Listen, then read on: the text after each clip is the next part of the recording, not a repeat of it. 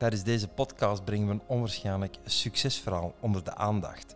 Ooit leerde ik van een van mijn mentors, ik ben altijd een heel ongeduldig persoon geweest, van kijk, mensen overschatten wat ze op een jaar kunnen doen, maar onderschatten dikwijls wat ze op tien jaar tijd kunnen realiseren. En de twee gasten die ik naast me heb zitten, Joyce en Raiza de Haas, zijn twee jonge entrepreneurs, based in Londen, opereren vanuit Londen. Zijn in 2015 een idee gaan omzetten in de praktijk, zijn een company in de wereld gaan zetten. En deze company, Double Dutch, is vandaag een onwaarschijnlijk succes, een onwaarschijnlijk parcours. Deze twee dames verkopen bijna een miljoen flesjes van hun premium mixer, een premium sodadrank, een frisdrank per maand, kan je je voorstellen. Ze verkopen in 25 landen. En alleen al in de UK zijn er meer dan 5000 baarhandelaren die uiteindelijk een brand serveren. Bovendien, in 2015 is Richard Branson hun visie gaan ondersteunen, heeft hij ook de Foodpreneur prijs uitgereikt voor het meest innovatieve merk voor eten en drinken. En daarnaast hebben ze meerdere prijzen ontvangen dan welke andere mixerdrink ooit. Waaronder de gouden medaille voor de beste premium frisdrank ter wereld. Ook de gold bij Casual Dining Innovation Awards en de gold bij de Glassbest Bartenders Brand Awards. Double Dutch is ook consequent verkozen tot de best smakende tonic in blinde proeverijen tegen ander toonaangevende tonics. Een onwaarschijnlijk succesverhaal. Zelfs de koningin van Engeland, de Buckingham Palace, drinken ze Double Dutch. Joyce, Raisa, van harte welkom op het Karel van de Velde Training Instituut en in deze inspirerende, want dat denk ik dat het absoluut gaat worden, podcastaflevering over gezond, hedendaags entrepreneurship. Welkom. Dank je om ons te hebben. Ja, cool. Jullie zijn van Londen. Ja. Of jullie wonen in Londen, beter gezegd. Ja. En vooral werken. Jullie zijn de oprichter-eigenaars van Double Dutch. Vijf jaar geleden zijn jullie een company begonnen. Ondertussen zijn jullie een gevestigd premiummerk in tonic en mixers. En jullie verkopen bijna een miljoen flesjes per maand. Hoe komen jullie erbij op vijf jaar tijd? Hoe is dat begonnen? Vertel een keer. Ehm, altijd eigenlijk een eh, passie voor goede dranken gehad. Ehm, wij maakten vroeger op de universiteit, ehm, als studenten gaven we altijd superveel feestjes. En Reisa en ik maakten, waren altijd experimenteren met verschillende soda's en frisdranken. En dan onze vrienden brachten de sterke drank mee. dus dat eigenlijk altijd gedaan tijdens onze studentenjaren. Dan zijn wij afgestudeerd van TW, in banking gegaan. Vonden we niet zo mega leuk. Dus dan ehm, naar Londen verhuisd, zeven jaar geleden, om een tweede master te gaan doen. En dan die master was in technology entrepreneurship. En dan tijdens dat jaar ons, eigenlijk een heel onderzoek gedaan naar de hele food and beverage markt. Onze thesis geschreven over een nieuw soort mixers. Dan afgestudeerd heeft onze universiteit uh, ons een award gegeven voor beste thesis van het jaar. En daarbij uh, onze eerste initiële investering gegeven om onze producten te lanceren. Um, en dan gelanceerd met de komkommer watermeloen en granaatappel basilicum. Dus twee echt helemaal andere smaken. En dan vanuit daar verder gegroeid. Wauw, Double Dutch. Ja, ik zie jullie zitten. Jullie zijn een tweeling. Fantastisch. Mag, mag ik gelijk een vraag stellen? Want dat is de vraag die ik absoluut vandaag ook wil stellen. Hoe, hoe is het om als tweelingzussen met elkaar uh, een company te runnen, om samen te werken? Um, ik, de, ik, denk dat er superveel voordelen aan zitten, omdat je elkaar 100% vertrouwt. En je kent elkaar echt in en in. Um, en ik denk, we zijn altijd super eerlijk tegen elkaar. En je moet niet tiptoeën of om iets voorzichtig te zeggen als je niet dezelfde mening hebt. En ik denk dat dat zeker helpt met discussies en creativiteit. Ja, en misschien ook tijd efficiënter, omdat je niet... Je moet inderdaad niet tiptoeing doen. Er zijn altijd zo open mogelijk tegen elkaar. Er is nooit um, iets van dat je bang bent dat je geen dingen tegen elkaar kunt zeggen of dat er kritiek is. Ja. Dus belangrijk is, er is een onwaarschijnlijk vertrouwen tussen jullie. Ik denk dat is uh, heel bijzonder. Ik denk, ja, broers en zussen zullen elkaar sowieso ook altijd vertrouwen. Maar het feit dat je één eigen tweeling bent, dan is daar denk ik nog een ander level of trust uh, tussen jullie. Ja. Dat is fantastisch. En je geeft elkaar, want dat hoor ik dan ook, een onwaarschijnlijk krediet. Dus uh, jullie hebben een bepaalde tolerantie in elkaar. Zeker, zeker. Ja. En ik denk het vertrouwen is inderdaad gewoon wel echt heel, heel belangrijk. En het feit dat wij ook wel een echt dezelfde lange termijn visie hebben. En ja, ik zou het met niemand anders willen doen. Oké, dat stralen jullie ook gewoon uit. Fantastisch. Zeggen dan, jullie merk Double Dutch. Double, ik kan gelijk de brug maken natuurlijk, hè. double tweeling. Dutch, jullie zijn, komen uit, vanuit Nederland, hè, aanvankelijk. Ja, wij zijn origineel... eh, wij zijn, hebben een Nederlands paspoort en wij zijn helemaal Neder- Nederlands. Maar wij zijn, eh, toen wij één waren naar België, verhuisd. Vandaar het Belgisch accentje. Oké, dus jullie zijn Neder-Belgen dan, om Ja, het zo te exact. zeggen. Alright. Based in Londen. Ja. Ja. En kunnen jullie eens vertellen, want jullie traject is echt amazing, is echt eh, onwaarschijnlijk. Jullie zijn vanuit het niets echt een premium merk in die markt gaan zetten en op vijf jaar tijd eh, bijna een miljoen flesjes verkopen per maand. Dat is onwaarschijnlijk veel. Dat is een heel mooi traject. Jullie werken ook met een heel team. Met hoeveel mensen werken jullie vandaag met, met Double Dutch? Eh, wij zijn met zo'n twintigtal in Engeland. Ehm, het meeste team zijn verkopers. eh, en dan een, eh, wij zijn met drie in finance en drie in marketing. En wij besteden het meeste besteden wij uit, zoals onze productieplanten en onze logistiek en transport. En actief in 25 landen. Ja. Hoe je dat voor elkaar gebracht? Hoe heb je dat gedaan op vijf jaar tijd? Want dat is echt een, een turbo-traject, om het zo te zeggen. Ja, ik denk, voor, oh, wij, hebben, zijn altijd redelijk... ehm, wisten wat ons doel was en welke markt wij eerst wouden benaderen en niet wouden benaderen. We hebben op het begin, denk ik, juiste keuzes gemaakt met bijvoorbeeld grote klanten af te wijzen, waarvan we toen dachten, dat zou op zich volumegewijs een gamechanger zijn, maar qua positionering van het merk zou dat niet de juiste eerste klanten zijn. Ehm, en daar ben ik eigenlijk achteraf gezien, denk ik dat dat echt een goede keuze was. Ik denk dat wij vanaf het begin ook altijd heel... Wij wisten, Engeland wordt onze thuismarkt. Daar eigenlijk de eerste 18 maanden echt op gefocust, daar de positionering van het eh, merk gezet. En dan vanuit daar eigenlijk gedacht, oké, we beginnen met Ierland, Benelux, eh, Duitsland, de meer dichterbij markten. Begonnen met importeurs die een complementair portfolio van producten hebben.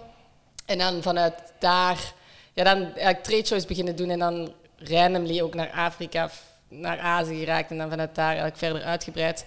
Vooral aan het kijken waar dat de premium trends ehm, het beest, ja, echt aan het opgroeien zijn. En hoe kan ik me dat voorstellen? Want je hebt natuurlijk een idee, dat leeft in, in je mind. Je hebt een passie voor, voor enerzijds de, de party scene, voor, voor dranken.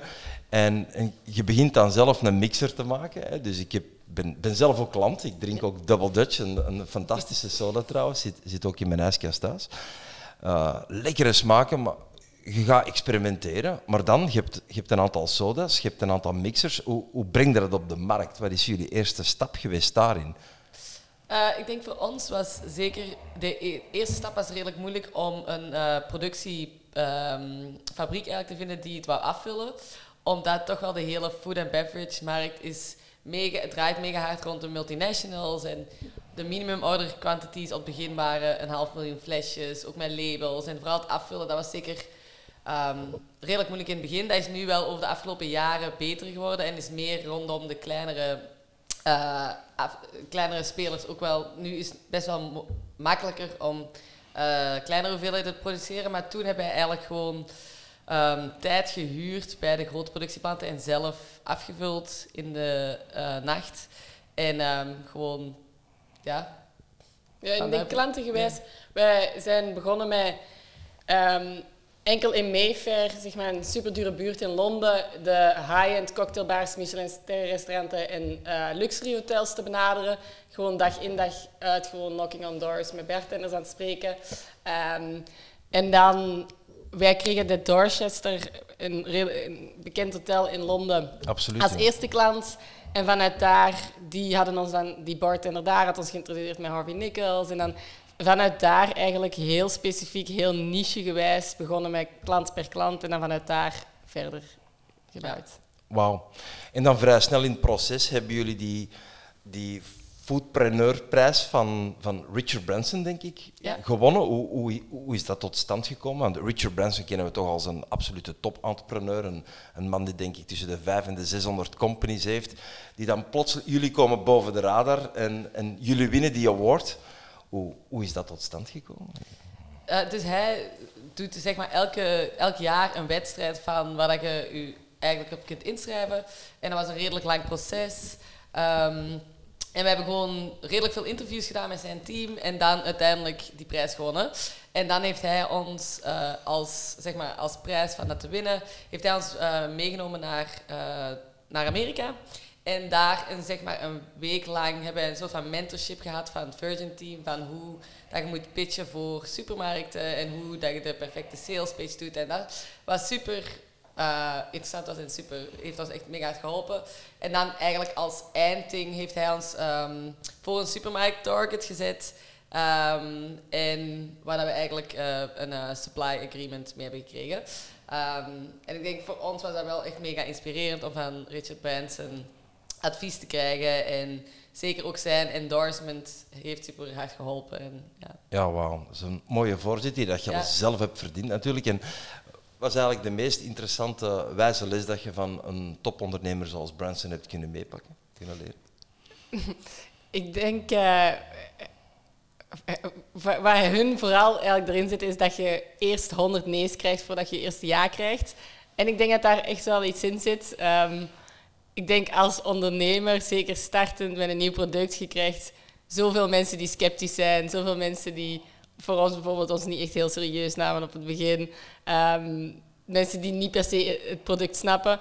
En ik denk dat is wel echt belangrijk als ondernemer dat je een passie hebt voor je product, want je krijgt zoveel nee's en het is zoveel werken op het begin dat je er wel echt 100% in moet geloven. Ja. Wel boeiend. Ik zeg soms ook in, in mijn programma's, in mijn seminars tegen ondernemers, je succes staat in directe verbinding met de hoeveelheid aan afwijzing dat je als mens aan kunt. Dat je kunt accepteren. Want ja, doorbreken is, is afgewezen worden. Dat is in de sport ook zo. Je moet die tegenslag kunnen capteren. Je moet daar iets uit leren. Je moet ermee omgaan. En dat was bij jullie dan ook niet anders. Ja, nee, volledig. Dus het was ook een, een, een moeilijk parcours in het begin om, om die doorbraak te kunnen, te kunnen maken. Zeker. Ja.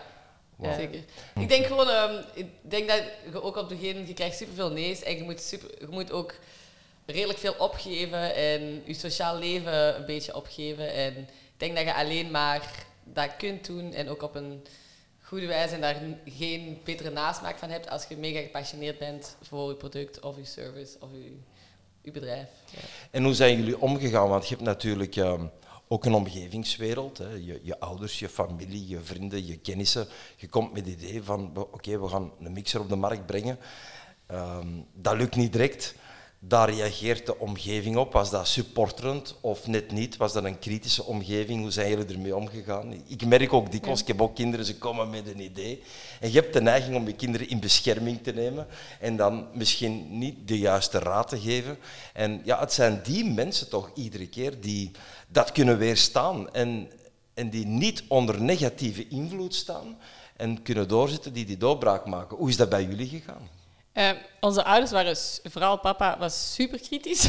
Die zei, oh, je hebt twee masters en je gaat je eigen frisdrank proberen maken.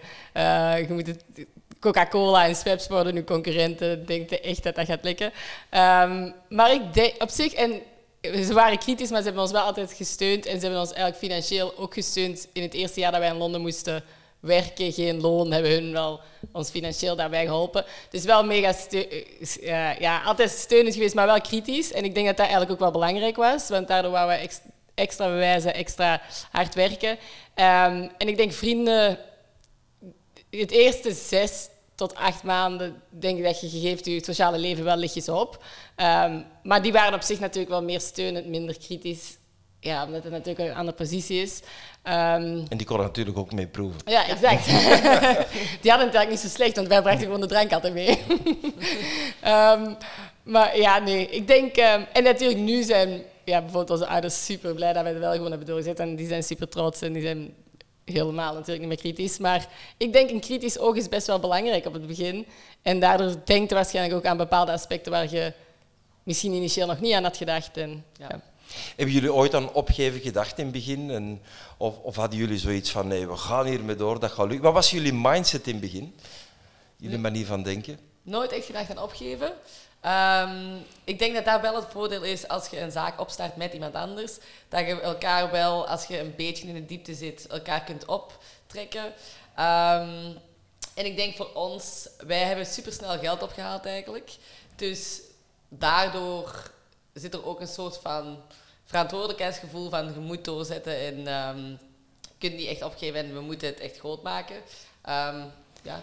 En ik denk ook, ja, je, le- je leeft wel gewoon naar een plan toe. En daarbij zit gewoon de optie opgeven zit daar niet echt bij in. En Nee. ik denk ook, het is, er is ook nooit een moment dat je denkt, oké, ik ga het opgeven, want je, je hebt al zoveel nee's gekregen.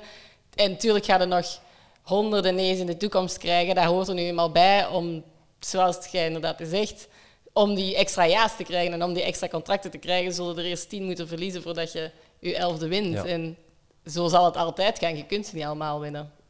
Dus doorzitten in het begin was bij jullie ook. eh, en die mindset en elkaar. Wat ik dan leer is, dat is die supporterende omgeving. Dat zijn jullie als tweelingzussen natuurlijk ook altijd voor elkaar geweest of niet? Hebben jullie ook wel eens een keer elkaar ontmoedigd? Of o- hoe kan ik dat plaatsen? We hebben redelijk vaak ruzie. Ehm, ik denk op zich zeker niet ontmoedigd. Ehm, ik denk een eh, discussie ehm, is best wel gezond en ook noodzakelijk. Ehm, En ik denk ook wel kritisch voor elkaar. ja, Ehm, en veel eisend wel, denk ik aan. We Ja. zijn we voor elkaar sowieso wel. En daardoor denk ik dat je ook extra hard werkt. Ik denk, wij zouden nooit... Wij wonen nu ook even twaalf maanden samen, door omstandigheden. Ehm, maar daardoor... Ik zou nooit stoppen voor tien uur. En daardoor gaat Reisa ook nooit stoppen. En als ik werk tot en met ik ga slapen, dan gaat Reisa ook werken tot en met ze Ja. gaat slapen. En ik denk daardoor dat je eigenlijk wel ja, elkaar een betere werkomgeving geeft en een betere kracht. En ja. En creëert een kleine mini-competitie onder elkaar. Ja. Jullie challengen gewoon elkaar Ja, constant. inderdaad.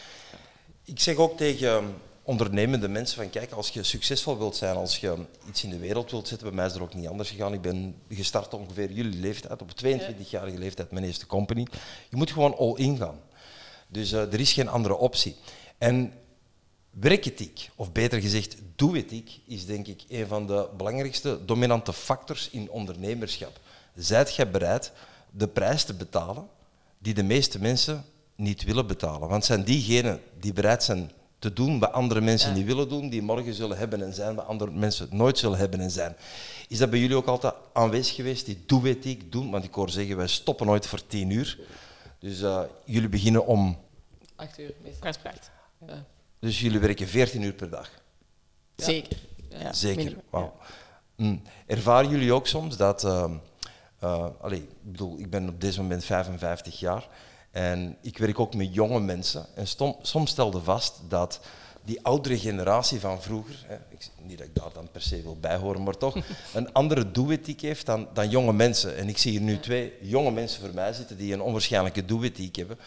Wat is jullie beeldvorming daaromtrent, rond de wereld en, en jonge, jonge mensen? Want veel mensen willen heel veel. Hè? Veel mensen willen succesvol zijn, worden ook geprikkeld op social media. They all want to, want to live the dream, maar ze zijn dikwijls niet bereid om, om die extra miles of kilometers af te leggen, die 14 uur per dag, zeker in het begin, te produceren. Wat is jullie beeld daar rond? Want jullie gaan natuurlijk met heel veel jonge mensen om. Ehm, ja, ik denk daar zit wel iets in dat, dat je de generatie voor ons meer zo doe het en hard werken en je moet het zelf doen en niemand anders gaat het voor je doen.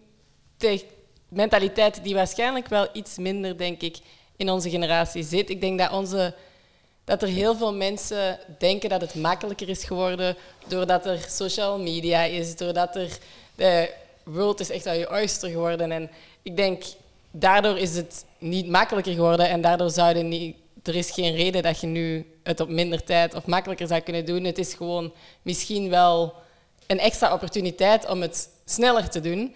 Ehm, ja, ik, ik vind het moeilijk. Ik ken superveel mensen van, of superveel vrienden die mega hard werken en een mega ethiek hebben.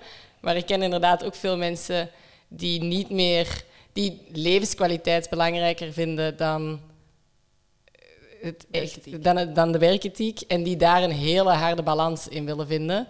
En tuurlijk is die balans belangrijk, maar ik denk dat je, als je, het is, je bent jong en het is nu dat je het moet doen en je moet het echt niet doen binnen 20 jaar, want dan is het gewoon te laat. En ik denk nu, ik denk ook, je moet iets vinden waar dat je, wat je eigenlijk echt super leuk vindt. En ik denk voor ons, of dat wij nu 14 uur of 16 uur per dag werken, of in het weekend, of geen vakanties nemen, het voelt niet als werken, het voelt gewoon echt je eigen ding doen. En je eigen baby groot maken. En ik denk dat dat eigenlijk super belangrijk is, dat het niet voelt als altijd super hard werken. Vanaf het moment dat je van je werk, laten we het zo noemen, je passie kunt maken, dan heb je een jobby. Dan Ja. heb je iets wat je iedere dag wilt doen. Ja. En ja, ik kan ook meegeven aan jullie, dat stopt toch niet, denk ik. Ik denk dat, allee, ik bedoel, op mijn leeftijd ook, mensen vragen me af, waarom blijf je doorgaan, wat blijf je doen? Maar ja, dat is gewoon passie-driven. Ja. Dat is, je, je zit gewoon vol passie en iedere dag dat je daar niet mee kunt bezig zijn, is eigenlijk geen leuke dag. En, en ja, ik bedoel, ik ben getrouwd, ik heb een gezin. Jullie zijn niet meer single, denk ik? Nee. of, of Nee. jullie hebben ook een relatie. Hoe, hoe werkt dat met die relatie? Is dat ook supporterend? Want als jullie 14 uur per dag all in gaan, dan denk ik moet de andere partij daar toch ook mee kunnen leven. Hoe, hoe pakken jullie dat aan? Ehm, mijn vriend ehm, is mega supportive. ehm, maar eh, wij zitten eigenlijk alle twee een beetje misschien in een andere situatie, omdat ik ben samen met mijn vriend geraakt eh, voordat ik Double heb opgericht. Dus hij heeft zeg maar de, de hele beginfase en alles mee, meegevolgd. Dus daardoor eigenlijk super natuurlijk. Hij is echt mega supportive en ehm, werkt zelf ook lange uren, dus dat gaat eigenlijk best wel natuurlijk. En bij Joyce is, heeft nog maar een recente vriend. Ja. En dat werkt eigenlijk ook Dat werkt eigenlijk ook perfect. Ik denk dat je vanaf het begin ook gewoon super eerlijk en daar wel direct in moet zijn. Dat je gewoon niet, ehm, ja, gewoon geen verwachtingen stelt van dat je elke dag om zes uur gezellig kunt gaan uiteten. Ehm, maar ik denk ook dat hetzelfde soort ambitieuze mensen elkaar meer waarschijnlijk aantrekt. En ik zou het mega, of ik vind het aantrekkelijk als ik ook een man heb die ambitieus is en hard wil werken. En ik denk dat dat waarschijnlijk langs de andere kant ook is. Dus daarin is dat eigenlijk gewoon, gaat dat best. Ondersteunend Ja. en voerend. Ja. Je moet niet te veel compromissen maken. Exact. Soms. Ja. En dat is soms niet altijd gemakkelijk, hè? want mensen die een onderneming starten, ja, de, de leefwereld verandert dikwijls. Er komen kinderen, er komen andere verantwoordelijkheden. En ben je dan nog in de mogelijkheid om all in te gaan? En dat is dikwijls een vraagstuk ook bij ondernemers. Hoe, hoe moeten we dat nu organiseren, die work-life balance? Nu, ik heb persoonlijk één ding geleerd. Als je inzet op work-life balance, dan, dan zijn je misschien niet eerlijk tegenover jezelf toppresteerders kennen geen work-life balance. Die kennen work-life integration. Die denk ik gaan hun persoonlijk leven integreren in, in datgene wat ze professioneel doen. Want dat wat ze professioneel doen, dat is een driving force, dat is een drijvende kracht waar ze iedere morgen voor opstaan en daar kunnen ze iedere avond met voldoening rond gaan slapen. Alleen niet dat dat iedere dag is, Ja. want soms heb je die moeilijke fuck days, om het zo te zeggen, er gewoon tussen. En daar moet je dan mee omgaan. Maar toch is dat een soort van chemie dat in je leeft, dat u iedere dag vooruit drijft. En, Ja. en zulke mensen hebben jullie dan ook aangetrokken als, als, als relationele partner. Dus dat is wel een goede combo. Ja. Zeg, en Londen, is er een ander cultuurverschil om te ondernemen Londen dan, dan, laat ons zeggen, de rest van Europa of België of Nederland? Ja, ik vind eh, Londen, vind ik, gaat alles iets sneller, heb ik het idee. Wij zijn nu ook tien weken in België. En als ik kijk naar bijvoorbeeld de afspraken die wij hier hebben, elke afspraak duurt zeker een uur. Er wordt zo wat, ehm, eerst nog een introotje gedaan en een beetje gechit-chat. En dan begint het zakelijke. En als ik kijk naar Engeland, dan duren onze meetings 20, 30 minuten. Dat is to the point en next. En ik denk dat gewoon dat het hier allemaal een beetje rustiger gaat en in Engeland gaat een beetje sneller. Ik denk cultuurgewijs, ehm, er zit sowieso een super grote start-up eh, gemeenschap. Mega veel ehm, support ook van de overheid om bedrijven op te richten. Je kunt op 10 minuten een bedrijf oprichten. Je hebt geen startkapitaal nodig of eh volstorting zoals in België. Dus ik denk, die hele cultuur daar is wel meer van starten, gaat het niet, faal, st- start opnieuw, stop gewoon. En ik denk de hele trial en error en het, het mogen van mislukken is, denk ik, meer acceptabel daar. Ehm, en ja, ik denk bijvoorbeeld de hele, het investerings, er zit zoveel geld, er zit, ik denk een meer een, een cultuur van start snel, haal geld op, probeer of het lukt, het lukt het niet, doe opnieuw. En ik denk dat er gewoon een, een snellere rotatie van bedrijven is, heb ik het idee. Ja, en omdat ja, Londen natuurlijk zo'n grote stad is, zo multicultureel, zijn er meer mogelijkheden, denk ik, om nieuwe producten te introduceren in Londen dan hier misschien in België. En ik denk voor ons, voor Double Dutch, was Londen zeker de juiste markt geweest om te starten. En denk ik dat wij het veel moeilijker hadden gehad, moesten we het hier hebben gestart. Ja.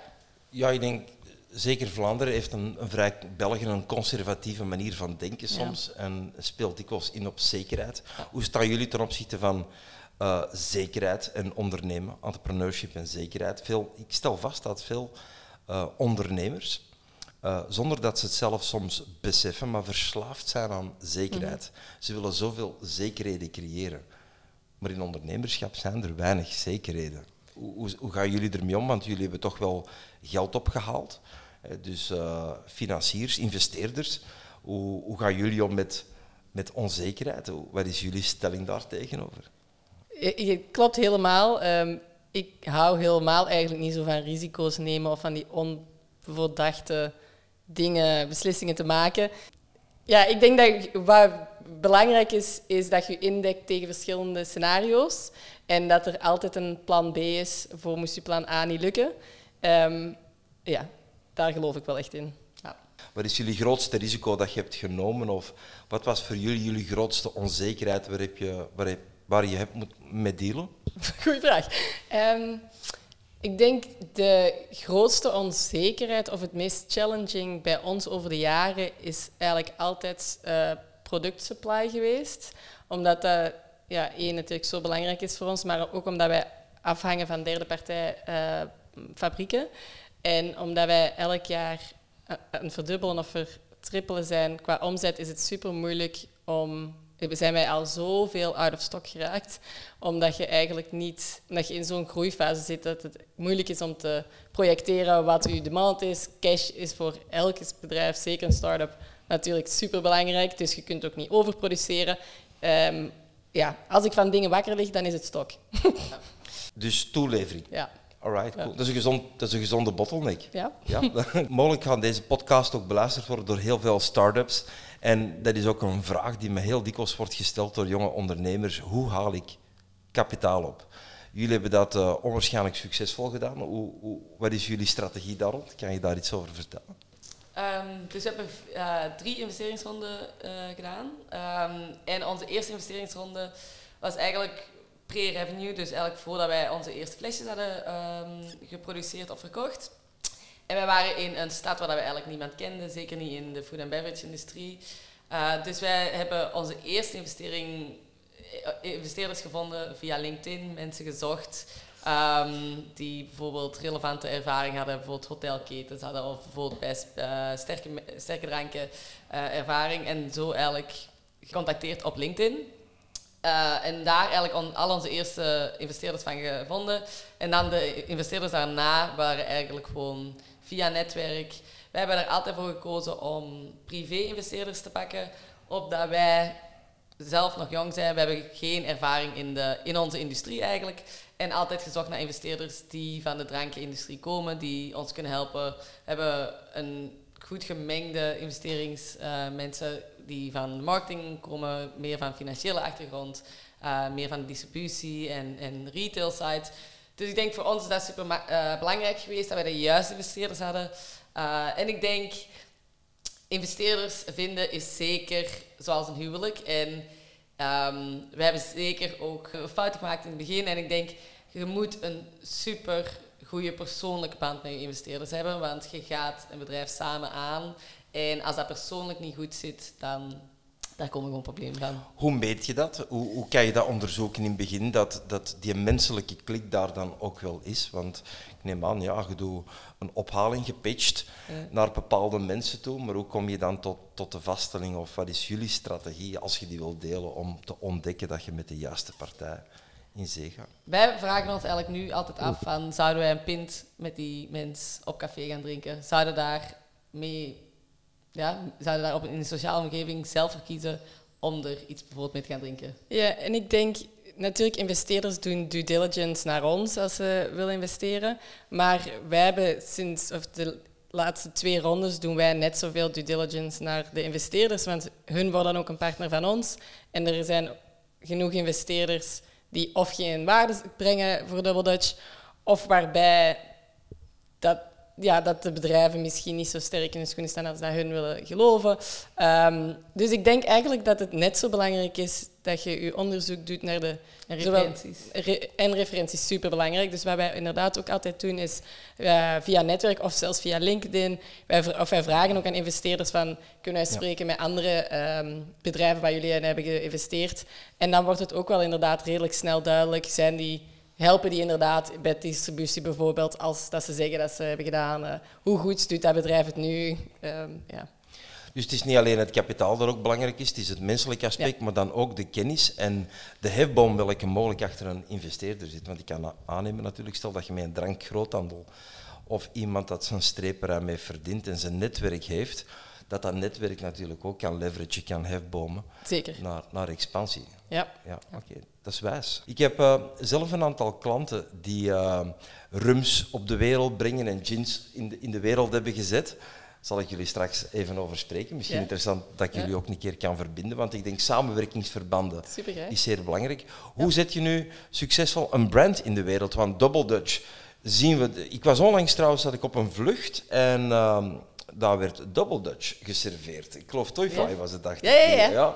Dus Top. Wa- waar kunnen we jullie allemaal vinden? Want in, in de UK, denk ik, zijn er meer dan 5000 eh horecazaken die jullie serveren. Kunnen jullie wat vertellen erover? Waar, waar vinden we overal Double Dutch in de wereld, Ja. in die 25 landen?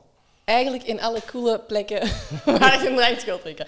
Eh, wij zitten vooral, wij zijn heel gefocust op de premium plekken. Dus eh, in Londen zitten bijvoorbeeld in heel veel private membership clubs, meeste van de vijf sterren hotels, eh, de coolere cocktailbars.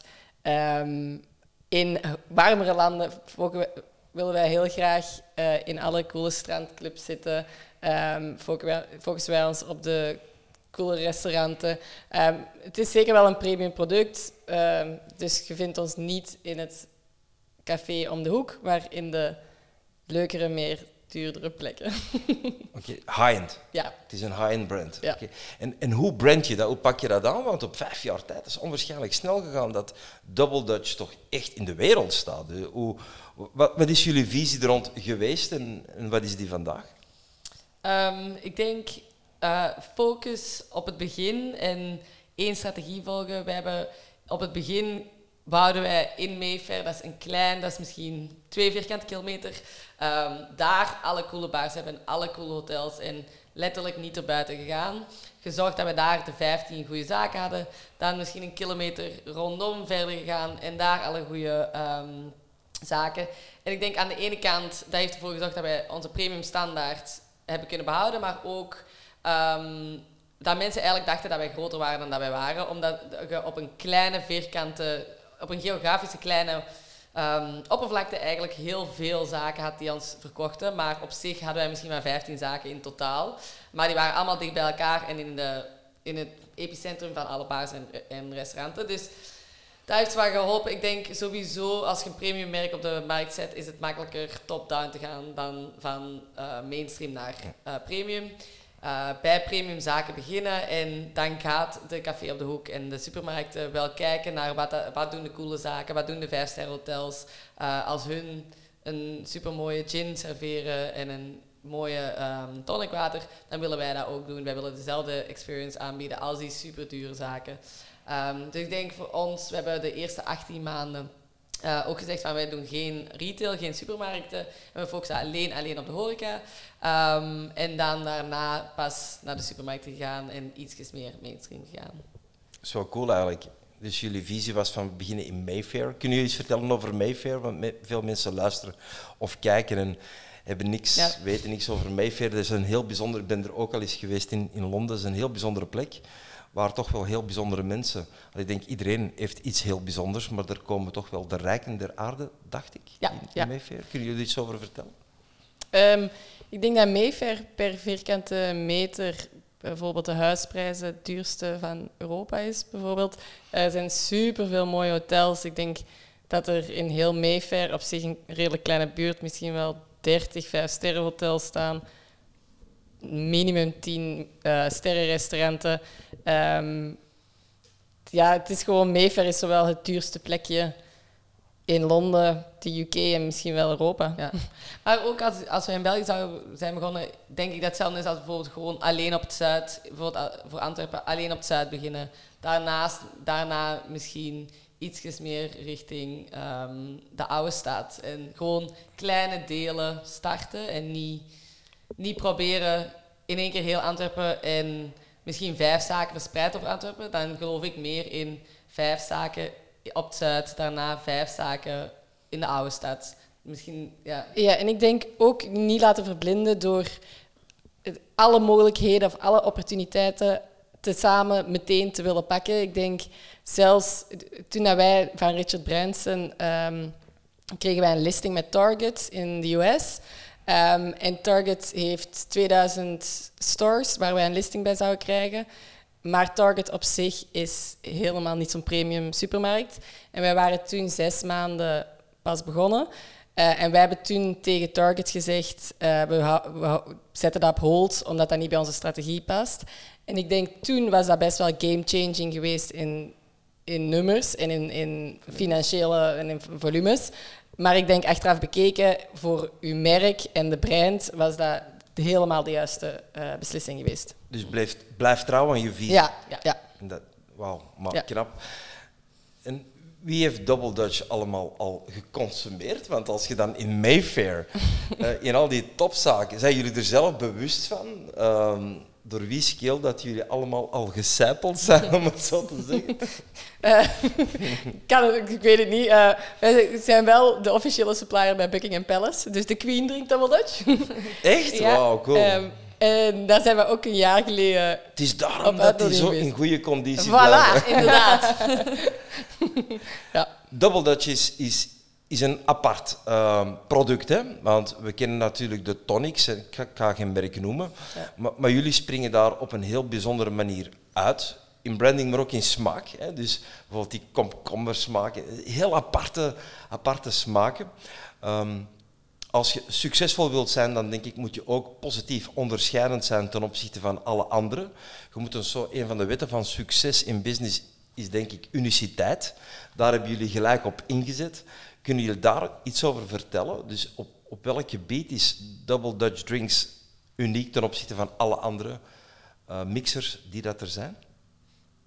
Eh, onze research en development is compleet anders. Dus eh, al onze recepten zijn gebaseerd op food pairing techniques.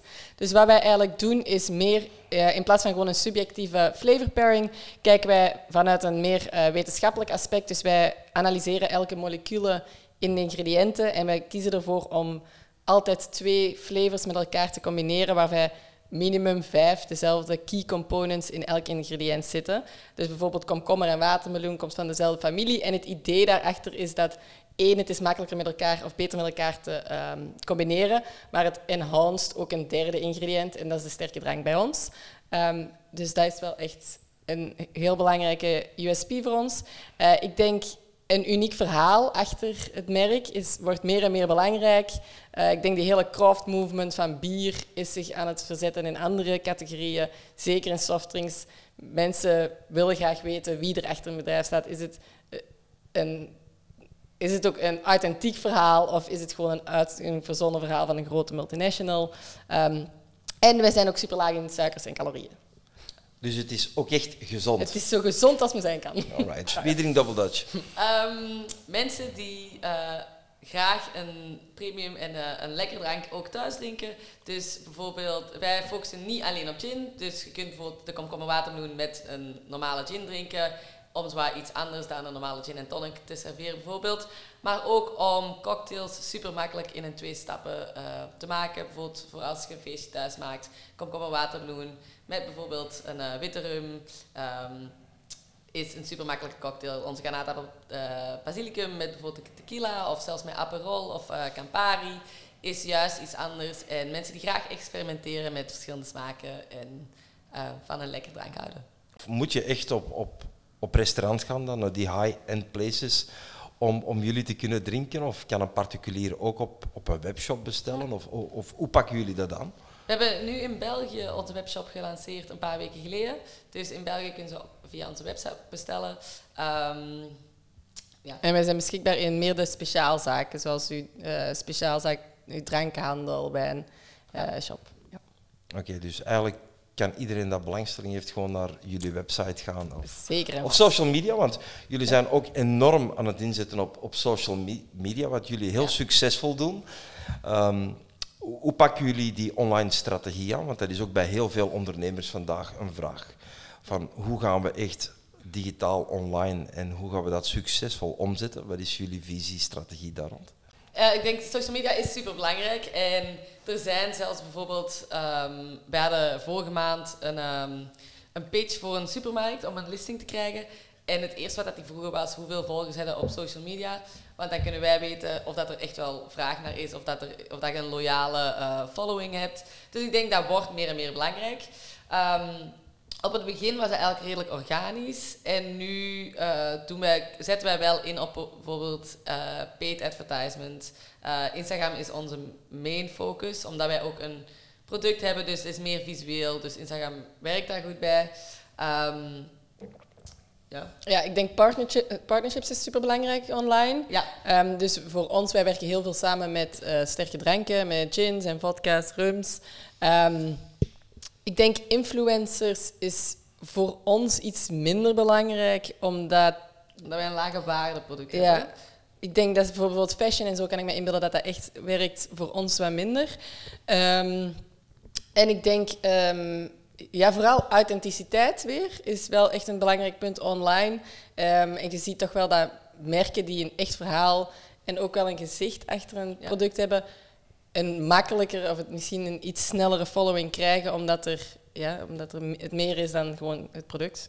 Nou, nu wat jullie ook doen, dat is eh, live buiten komen. Hè? Niet enkel via, via social media en alle kanalen dat er zijn, maar jullie zijn echt on the road. Hè? Op een zeker moment, ik had een gesprek met, met jullie vader. Ik zeg, hoe is, hoe is het met de dochters?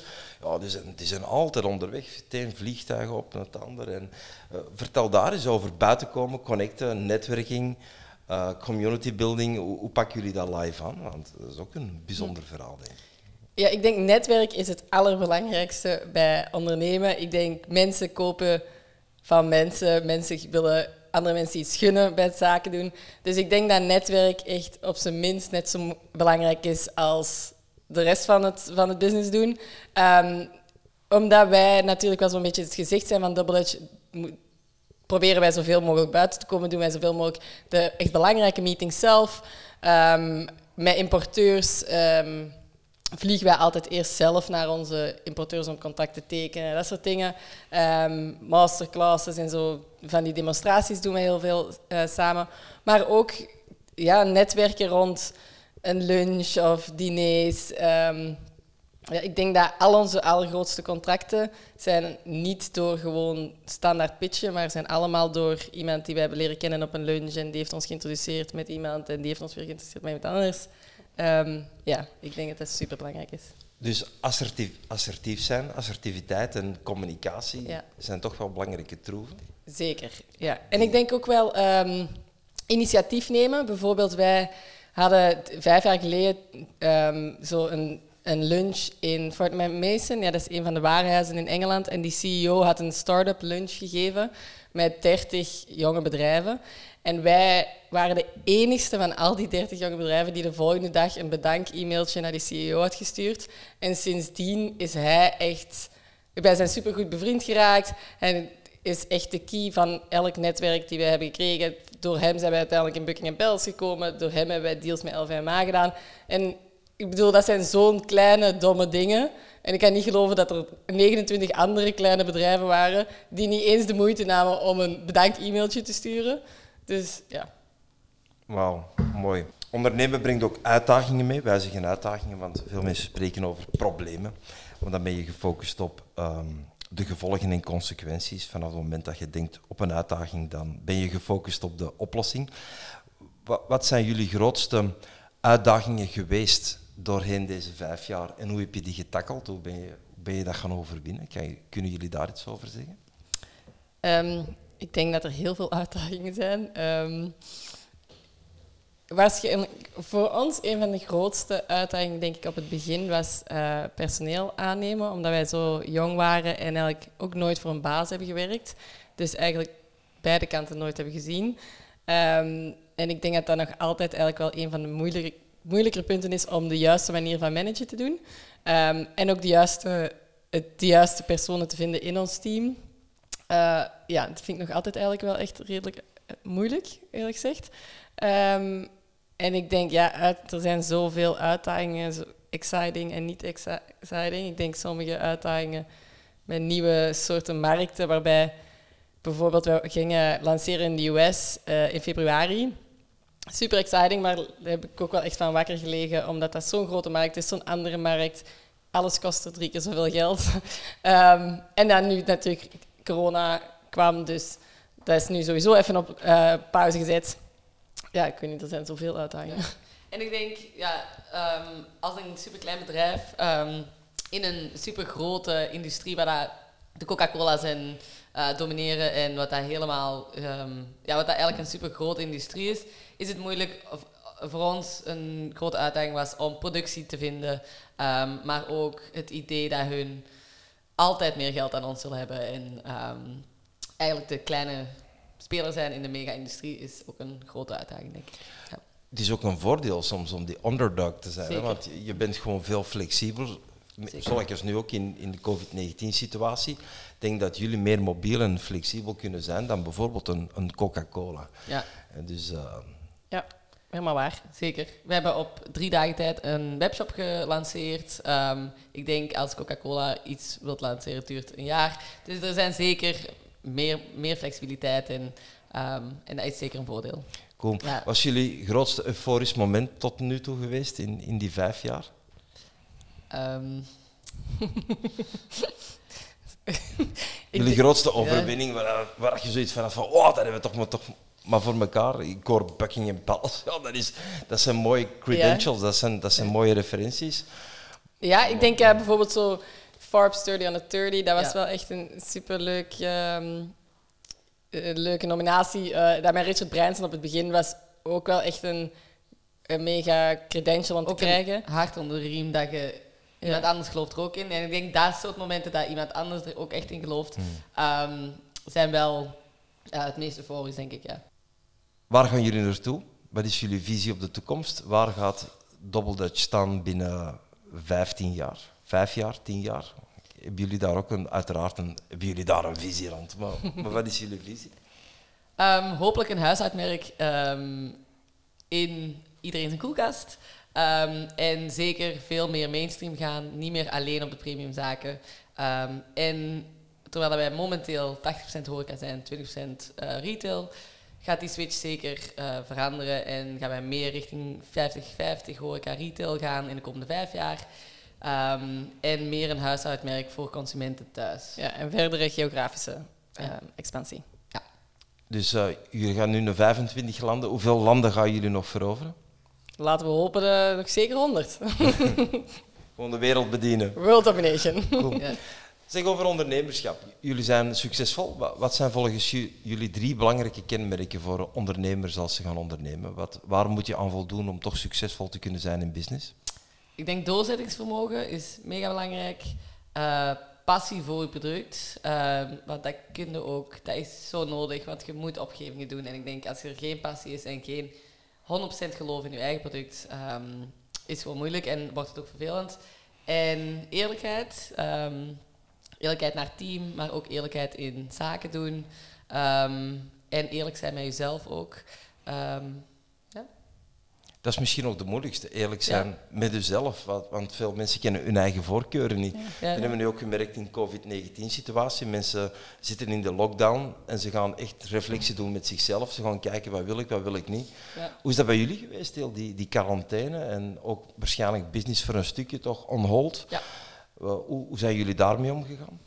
Um, ja, ik, op zich denk ik dat corona voor ons eigenlijk een goed ding is geweest. Um, ik denk aan de ene kant qua ons team en meetings en dat soort uh, zaken, denk ik dat heel veel mensen tot de conclusie zijn gekomen dat, er ook, dat het zoveel tijd efficiënter kan soms. En ik kan mij echt wel inbeelden dat ik gewoon 50% minder meetings ga doen en meer over Zoom, meer over de telefoon. Het hoeft niet altijd bij iemand thuis of bij iemand op kantoor en altijd dat transport en dat vervoer er naartoe.